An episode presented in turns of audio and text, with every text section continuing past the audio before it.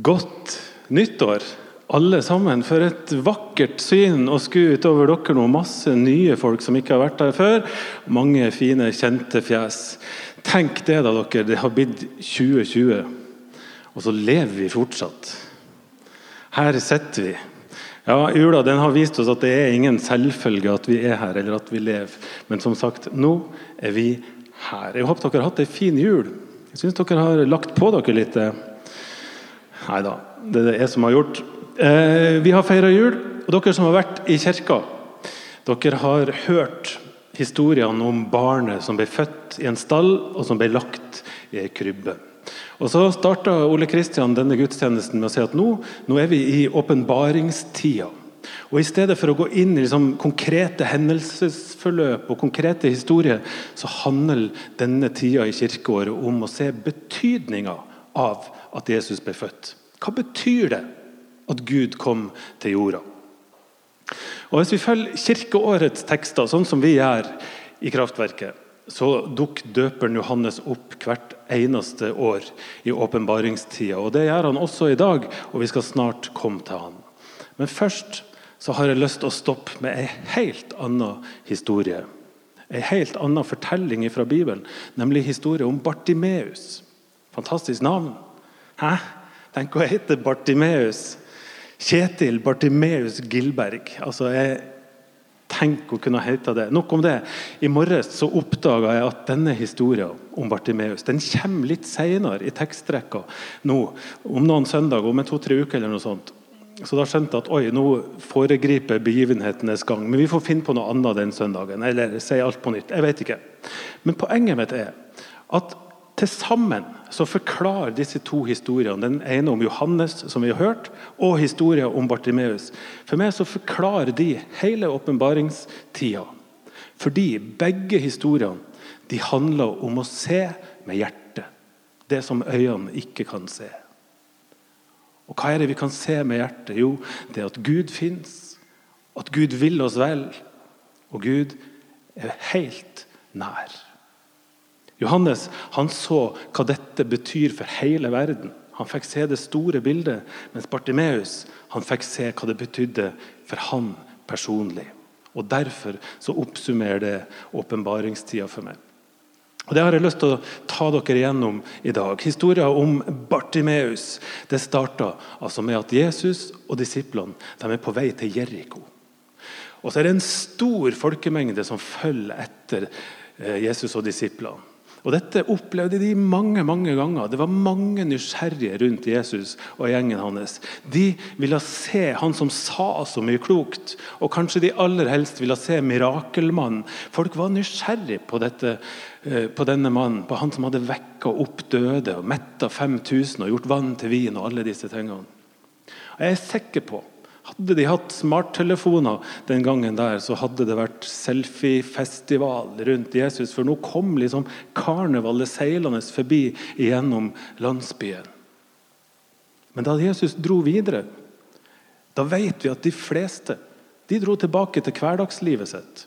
Og så levde de videre som om ingenting har skjedd. Det var bare noen få som fulgte Jesus videre. Men nå, nå, er de altså på vei til Jeriko, de er på vei til Jerusalem. De skal feire påske. De har gått fra Galilea, som ligger i nord. Der befant de seg jo stort sett hele tida. De var nordlendinger, disse folkene her.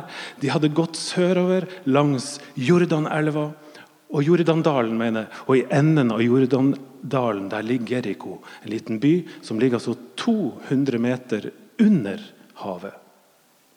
Og Dette er siste stopp på oppstiginga til Jerusalem. Denne Jerusalem, Jerusalem ligger to-tre mil fra Jeriko, 800 meter over havet. Det er en bra stigning. Og Her, her yrer folkelivet akkurat nå. Hele lokalbefolkninga er der. Og så er det massevis av pilegrimer som hviler seg før den lange oppstiginga til Jerusalem. Og Så stimler de seg rundt Jesus og disiplene, og langs veien der sitter Bartimeus og tigga.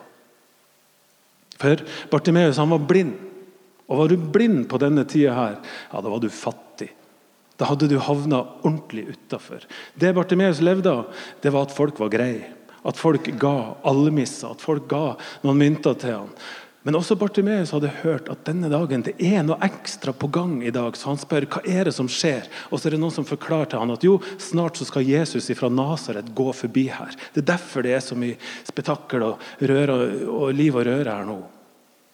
Og Bartimeus han må ha hørt noen av historiene om Jesus, han også. Han må ha gjort seg noen tanker om Jesus. For da han hørte at Jesus nærma seg, så begynte han å rope. Og han ropte, 'Jesus, Davids sønn, ha barmhjertighet med meg.'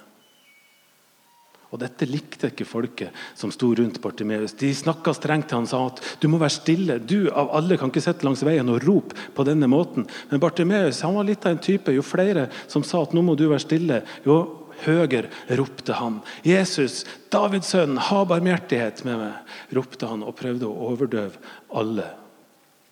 Kanskje noen av dere har vært på en gudstjeneste tidligere i dag i Den norske kirke. Da har dere hørt akkurat disse ordene her. For ordene til tiggeren Bartimeus det er ordene i det eldste liturgiske leddet vi har i ei høymesse. Og Det synges i messe over hele verden. Og det har blitt gjort det i masse norske kirker i dag. Kyrie eleison. Ha barmhjertighet med meg. Og Hvorfor ropte Bartimeus akkurat det der? Jo, jeg tror at den blinde må ha sett noen ting. Ikke med øynene sine, det kunne han jo ikke. Men han må ha sett noe med hjertet sitt som slett ikke alle de andre i Jeriko hadde sett. Nemlig at Jesus han er mer enn tømmermannen sin sønn. Han er mer enn en vanlig pilegrim fra Nasaret. Han er Davids sønn. Han er Messias.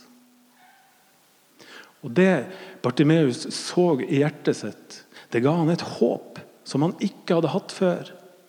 Og det ga han en frimodighet som han ikke hadde hatt før. Og Det er dette åpenbaringstida handler om. Å se at Gud er midt iblant oss. Og da inviterer Gud inn i vårt liv, sånn at vi kan få et glimt av Guds kjærlighet. Det går an å se med øynene deres men vær blind i hjertet. Bartimeus han er et kjempefint eksempel på at det går an å være blind på øynene. Nå sa jeg helt feil i stad.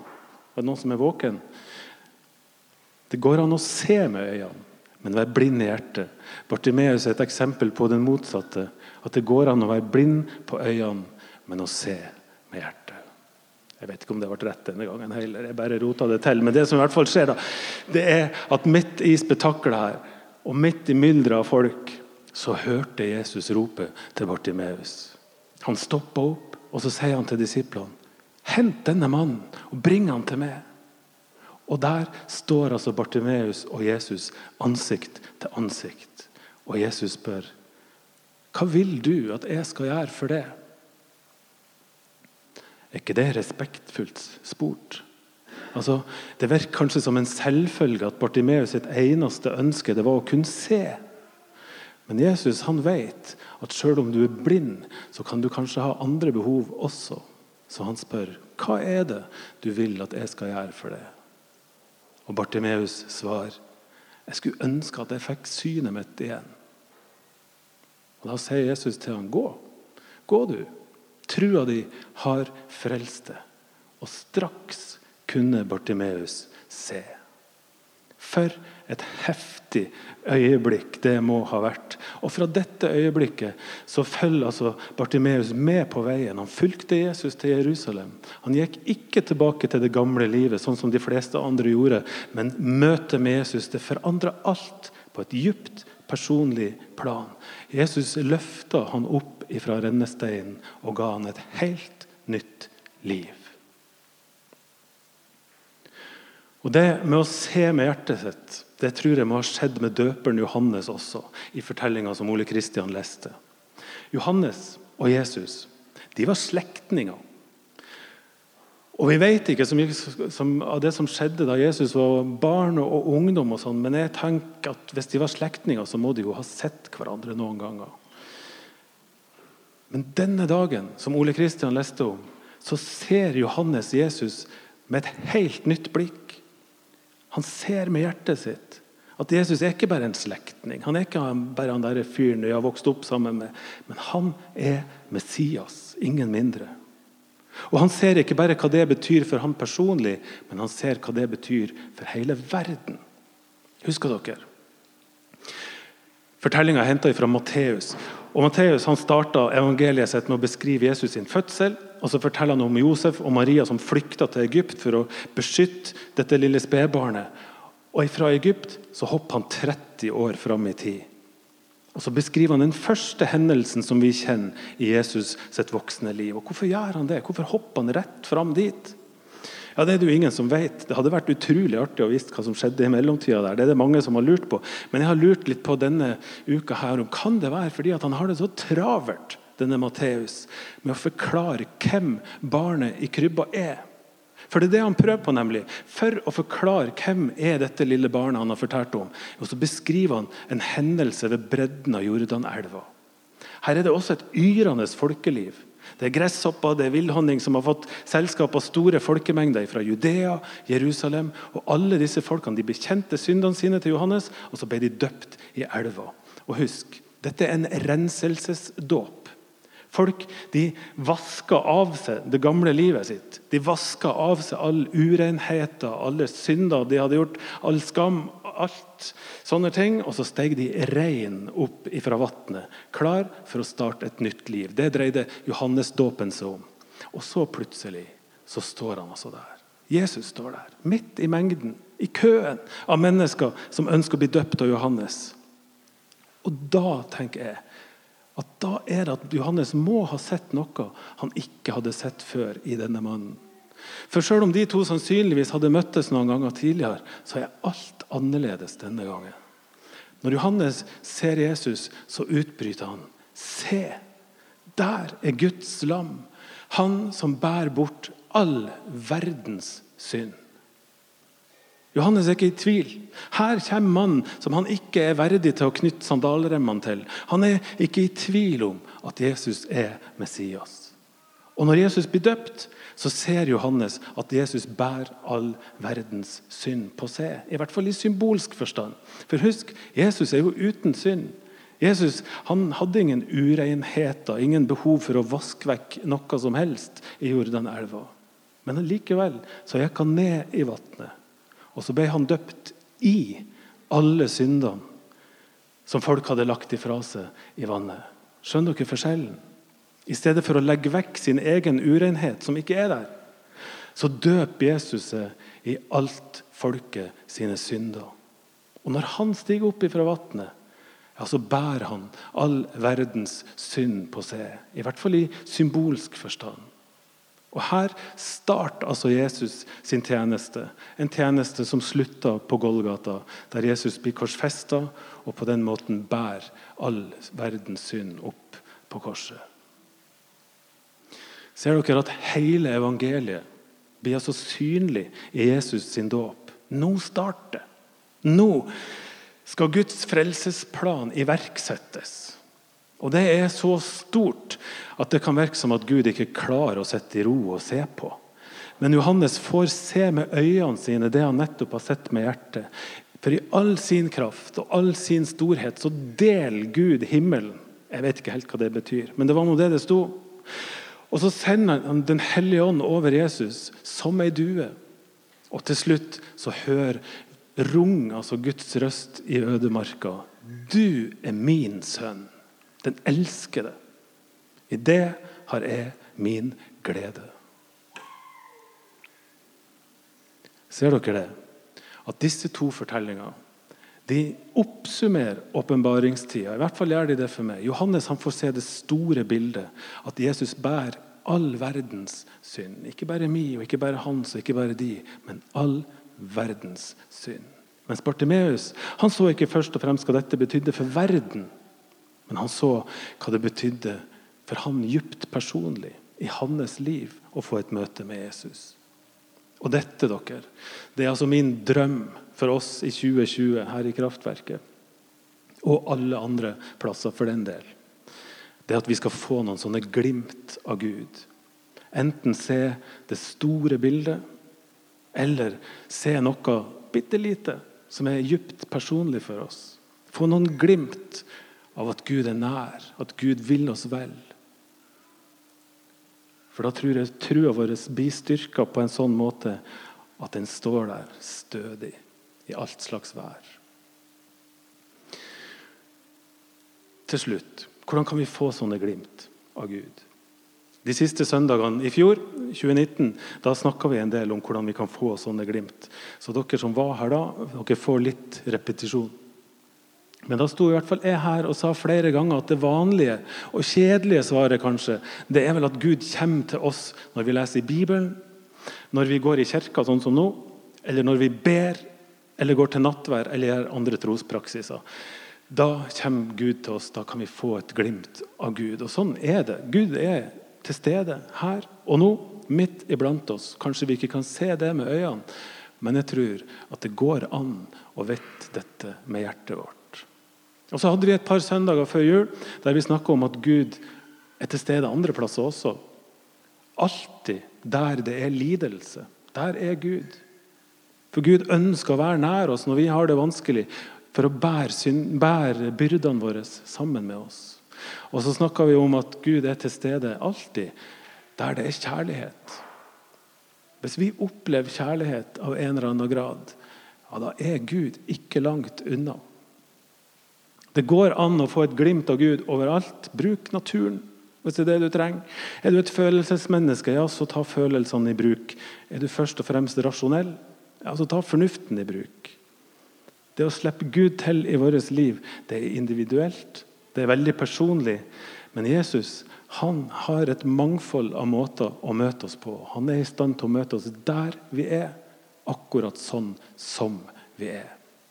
Og I dag, etter å ha fortalt om Johannes og Bartimeus, så har jeg lyst til å gjøre oppmerksom på ett sted der Gud ofte har en tendens til å dukke opp. Gud møter oss veldig ofte i det lave. Gang på gang så forteller Bibelen oss om at Jesus oppsøkte det som var lavt. Han ble født i det lave, altså i en stall. Da han ble voksen, så møtte han de som hadde havna lavest på rangstigen, med en kjærlighet og respekt som ingen andre hadde sett tidligere. Og han ble drept i det lave, på det mest brutale og nedrige vis. Og dagens to historier de skjer i det lave. Når Jesus oppsøker Johannes for å bli døpt, når han for første gang liksom trer inn i frelsesplanen En ting er at det skjer på klodens laveste punkt. Dette er flere hundre meter under havets overflate. Men en annen ting er at han velger å komme for første gang som voksen hit, hvor folk ønsker å bli fri fra sine synder og sine urenheter. I den køen er det Jesus stiller seg, skulder ved skulder, med alt som finnes av nederlag og tap. Det er å møte oss i det lave. Og Det samme med Bartimeus. En ting at Også dette skjer et sted som ligger under havet. Altså ikke under havet, men under havets Dere skjønner hva jeg mener med det. Men ingen befant seg lavere enn Bartimeus. Og Da Jesus hørte ropene, så var det nettopp der hos den laveste av dem alle at han hadde lyst å være. Jeg har ingen enkle svar på hvor vi kan få et glimt av Gud, men jeg tror at Gud møter oss der vi befinner oss. Og I dag så vil jeg at vi skal huske å være våken på at Gud kan møte oss i det lave. Og sånne glimt om de nå åpenbarer den store sammenhengen for oss, betydningen for hele verden, at Jesus ble født, eller om det bare berører noe dypt personlig, så tror jeg sånne glimt har kraft i seg til å forandre alt. Det går an å se med øynene og være blind i hjertet. Det går også an å være blind på øynene